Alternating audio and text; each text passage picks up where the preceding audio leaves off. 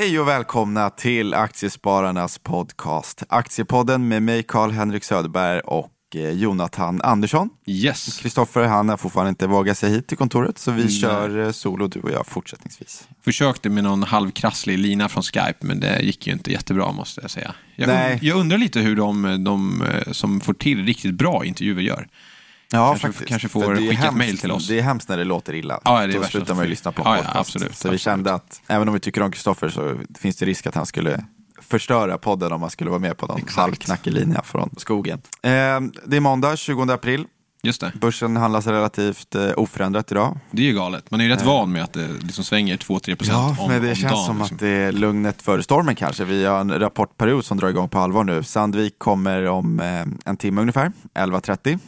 Och jag tror att eh, ja, det ska oavsett vad bli väldigt, väldigt intressant att se vad de säger. Eh, det känns som att det är lite lotteri nu med lite förhandstips. Ja, och, faktiskt. på något sätt så är det väl så att man pratar ju alltid om att liksom, den framåtblickande vyn är så viktig, men alltså, nu måste ju den vyn vara det viktigaste någonsin. I alla fall på väldigt, väldigt länge. Ja. Att liksom, har man någon form av känsla, även fast de säkert inte- inte har det heller kanske, precis Nej. som många andra, men att de sitter i alla fall på lite mer siffror för deras egen business. De borde kunna då få någon form av känsla Ja. som de kan meddela marknaden, som vi kan liksom försöka ta ställning till.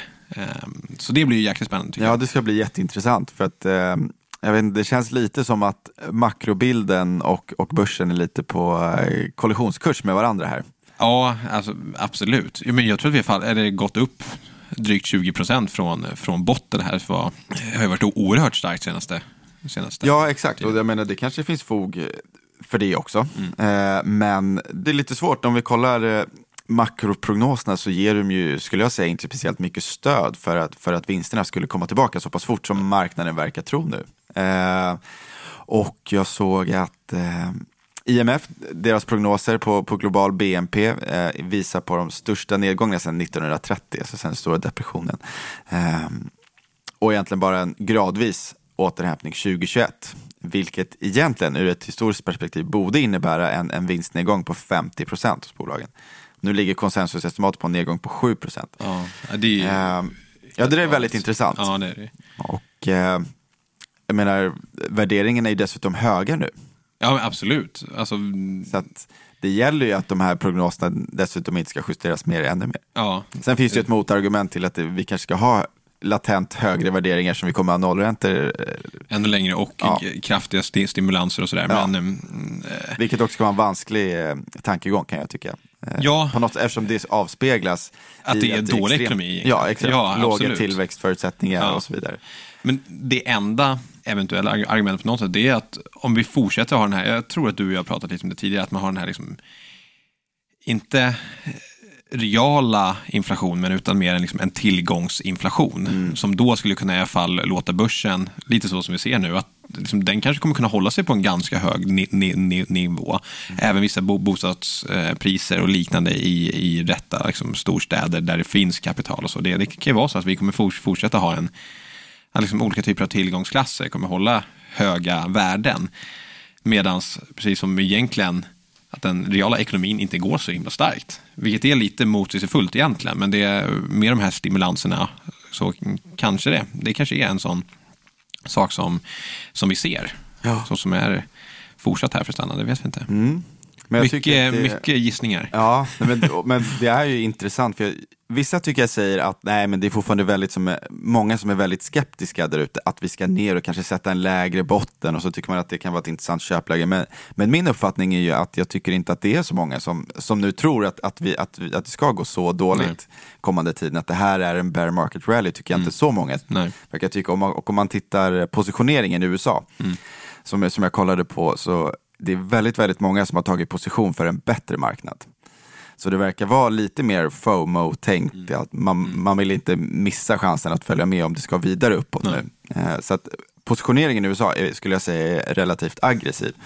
Och går ju då lite stick i stäv med att det är många som skulle vara försiktiga där ute och, och, och ta hem vinster nu, vilket man hade kunnat tänkt. Vet du, har du någon, eh, någon siff- siffra på om det är så att det är brett över eh, liksom alla typer av aktier eller om man har positionerat sig för vissa typer av sex sektorer som faktiskt kanske gynnas av det här som vi har sett. Nej, det här var Eller- nog breda det var nog breda, på, på, ja. Mm. på hela index. Jag, fick bara, jag man såg det, att, jag tror det är de fem, fem största bolagen nu på S&P motsvarar, jag tror det är drygt 23 procent av hela indexet.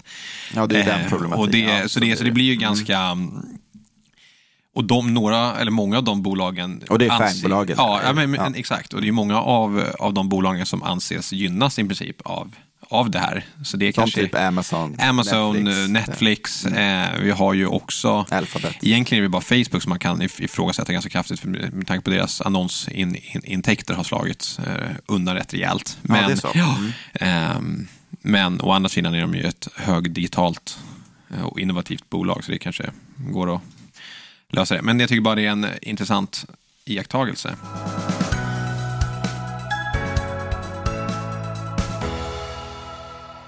Om vi ska blicka bakåt, Mm. om vi ska s- summera mars månad så var det ju lite intressant att det var ju en brutal flykt från då, nu har vi siffror från den svenska aktiemarknaden. Mm.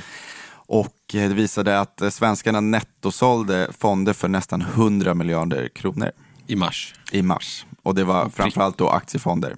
Eh, Och säkerligen vågar jag nog tro i alla fall att det var ganska botten, många eller? ja, kring, kring botten. Eh, och, och det ska jag också ta i beakandet att det var jag tror det var största inflödet till fonder i Sverige i slutet av februari. Mm. Så det blir ju väldigt, det är så fascinerande hur det gång på gång blir såna här re reaktioner och sen när, man, när värdet på ens tillgångar bara fallerar helt, att då helt plötsligt ska man ut fort som bara den. Och det Det var kan väl det bli det som händer om man, om man inte har varit med förut, man har inte så mycket erfarenhet, man, man känner att man inte har kunskapen riktigt och du tycker Ja. att det blir mentalt för jobbigt att se Ja. att 30% av dina hårt Absolut. sparade slantar är borta och du orkar inte se att det ska ner 30% till.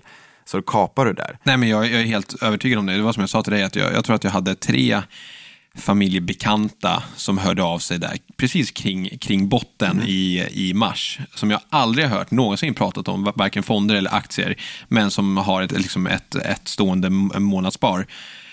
Där de liksom ringer, dels ringer de i panik och säger att nu har vi sålt allt. Liksom. Och det, det, var ju, det stämmer ju överens väldigt bra med de här, den här flödesdatan. Då. Eh, och jag har aldrig hört dem liksom prata om, om varken aktier eller, eller fonder tidigare. Så då kan det nog vara så, precis som du säger, att om man inte riktigt har den varken erfarenheten eller kunskapen eller egentliga in, in, in, intresse så blir det nog ännu mer flockbeteende och rädsla skulle jag säga när, när sådana här saker sker. Ja, för det är klart att det, det var väldigt tufft. Det är absolut. Eller, och, och det kan det, fortfarande, det, jag tycker också det var jättetufft. över. Ja. Det var Men, för alla tror jag. Men, men någonstans så, så kan jag tycka att, eh, att det är ändå så pass många, trots att jag menar, vi har ändå försökt göra vad, vi pratar mycket om långsiktighet, Mm. att försöka kontinuerligt spara och inte kanske panika i, i sådana här situationer. Det är många andra som är ute och pratar om det, alla sparekonomer säger väl alltid att man ska ha is i magen, men, Mm. men uppenbarligen så är, så är det ju ändå ganska många som inte har Ja, det, absolut. när det väl blir så pass tufft som det Ja. var nu. Mm. Och någonstans så borde man ju bli påmind om att exempelvis de här uppdagarna som kommer efter ett kraftigt fall, de är ju oftast de dagarna som sen gör hela din totalavkastning. Ja. Ja. Det finns absolut. så mycket statistik på Ja. det att du får, vill inte missa de här snabba rekylerna upp, Nej. vilket vi har fått nu. De var extremt kraftiga på uppsidan. Mm, absolut. Ja, men tipset blir väl att i alla fall fortsätta med månadssparande. Det Det är väl en jättebra, det, enkel det är faktiskt, med, med tanke, tanke på att det här är min första egentligen liksom stora ja, men börskrasch man verkligen känner ändå. Sen kan man absolut hitta argument för att vi ska ner mer och det är, kanske, och vi är säkert inte, det är säkert inte s- slut här med den här krisen men som ändå vi, verkligen fick känna på en total börskrasch i, liksom, och flera tillgångslag också som om guld, allting skulle bara ut, det var liksom total risk-off så har jag i alla fall verkligen tagit med mig liksom det här värdet av månadssparande nu. Kan jag känna var ännu mer innan, trots att jag jobbat på aktiesparande. Liksom, att, tycker att, precis som du säger, att det blir sådana enorma uppställ stundtals också. Och ibland har det bara verkligen slagit perfekt in när man har fått sin lön. Så bara, då är det fantastiskt bra att kunna försöka fylla på månadsvis. Absolut. Och kanske dra upp sin sparkvot liksom, eh, vid sådana här tillfällen. Nu blev det lite spartips här, men ja. Vi var inne på det, stora depressionen 1929-1930 där. Det som var intressant var att börsen efter att ha fallit då extremt kraftigt eh, så återhämtar den sig väldigt, väldigt snabbt där också. För att sen då verkligen leda till brutal eh, massarbetslöshet och det blev ju verkligen global depression egentligen. Ab absolut. Eh, och en väldigt långvarig recession Mm. som var väldigt, väldigt tuff. Eh, det finns ju de som hävdar att, att det fortfarande kan bli så nu. Mm. Eh, men eh, vi får se. Vi säger som alla andra, vi vet inte.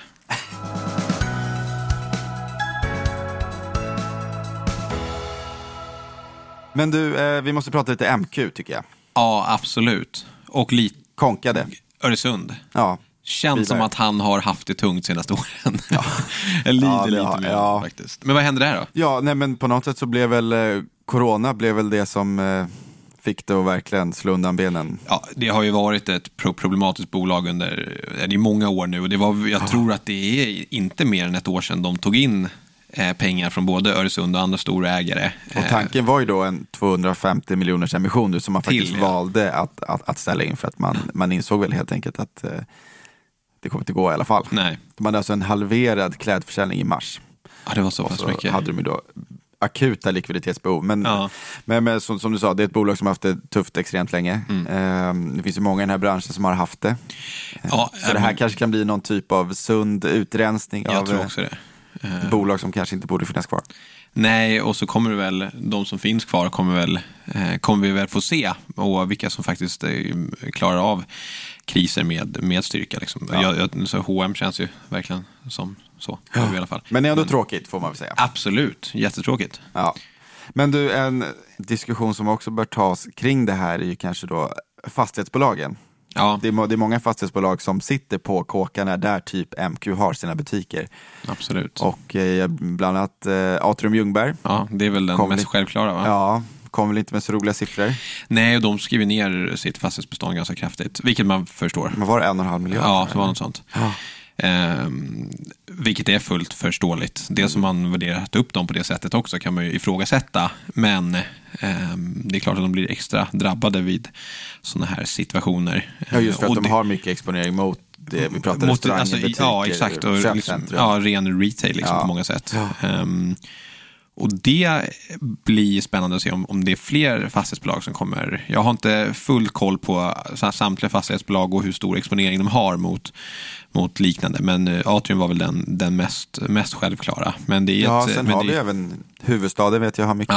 Eh, och sen så vet jag de som har lite mindre eller ganska lite, exempelvis ett bolag som vi har pratat oss ganska varma om, Vilborgs exempelvis. Eh, så det är väl de jag kommer på på rak arm. Mm. Men det är ändå intressant, jag vet att Atrium Ljungberg är ganska stora innehav i många av de mest populära fonderna som Mm. eh, småsparare har. Carnegie Sverigefond vet jag är femte största innehavet. Ja, och egentligen det femte största innehavet efter egentligen bara indexföljande bolag. Alltså de största bolagen i index har ju han eh, Ja, plockat exakt. i princip. Så han Eh, har väl det- Investor, jag tror- Volvo, Ja, eh, precis. Och så var det hade han inte till. Atlas också? Och så var det Atlas och, och, och sen var det Atrium Ljungberg. Ja. Så att, ja, det har inte varit så bra. Men den har suttit med länge. Så att, och, och det finns många fonder som har den. Jag vet, det finns flera, just Carnegie-fonder som är väldigt tunga i Atrium. Mm. Så jag vet inte.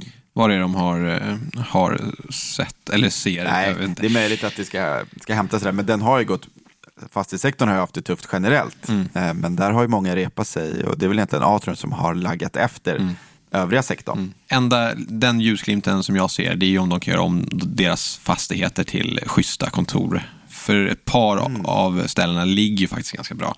Jag tänker på, det är väl Atrium som har en stor del av Sickla Mm. köpkvarter där som för övrigt är helt dött. Men liksom det stället Sickla och den geografiska liksom, platsen de faktiskt har är ju oerhört bra. Jag tror att Atlas och Epiroc ligger där också. Eh, Men där, där borde de verkligen kunna få till ett par riktigt schyssta kontor och det är ju oerhört nära till stan och, och, som man kan ta sig. Så det borde vara en hel del bolag som skulle vara intresserade av att ha kontor där. Men det Du får skulle ju... tunnelbana dit också. Exakt, Om fem år. precis. Eh, men det, själv, självklart skulle det ju krävas eh, stora investeringar från Atrium. Liksom, om man då skulle, jag antar att samtliga liksom, fastigheter är ju ganska byggda på det sättet så att de är gjorda för, för retail, mindre butiker och liknande. Så det är självklart att det skulle krävas en del investeringar och det är frågan om, de har den likviditeten för det. Jag har inte full koll. Eh. Men eh, det är, det är det jag ser att de, de borde göra.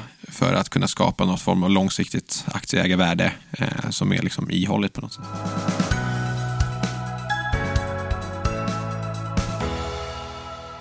Vi tar sista punkten Snabbt. idag. Arbetslösheten i USA. Just och det. konsekvenser på börsen. Förra veckan så registrerades det 5 miljoner nya arbetslösa.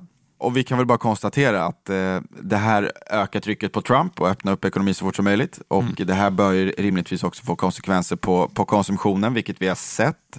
Konsumtionen är extremt viktigt för tillväxten, framförallt i USA. Absolut. Eh, Men även i, i övriga världen. Jag såg att i Europa så var bilförsäljningen ner 55 procent på årsbasis. Det är ganska kraftigt. Så det, det, det finns rätt mycket där, men det som, är, det som är positivt är att konsumentförtroendet faktiskt håller sig på ganska bra nivåer i USA i alla fall. Och eh, det här kan man ju rimligtvis tänka sig bero på låga räntor, att eh, kanske hushållens balansräkningar ändå inte är så, så stretchade Ännu. ännu. Nej, Men om man jämför med exempelvis 2008, där det var, då var det ju finansiella stressen var ju uppe i taket då. Ja. Mm. Och då försvann ju konsumtionen helt. Det har vi inte riktigt sett nu. Eh, och o- oljepriset kanske hjälper till. Det har ju också fortsatt ner Absolut. under 20 dollar fatet. ja, så det, det- kanske kan, kan agera lite kudde. Men Ja, eh, absolut. Och främst i ett, i ett sånt oljeberoende land eh, och bensindriven Exakt. inflation på något, något sätt i USA. Så det är klart att den är, att den, den är viktig för konsumenten. Har vi något mer? nej, men jag tror att det blir det. Vi, vi, Det känns som att- jag vill sätta mig vid skärmen och kolla när, när Sandvik kommer med sina siffror. Just det. Jättespännande. Ja. Men eh, då får vi väl tacka för oss. Ja, det gör vi. Stort tack. Hej.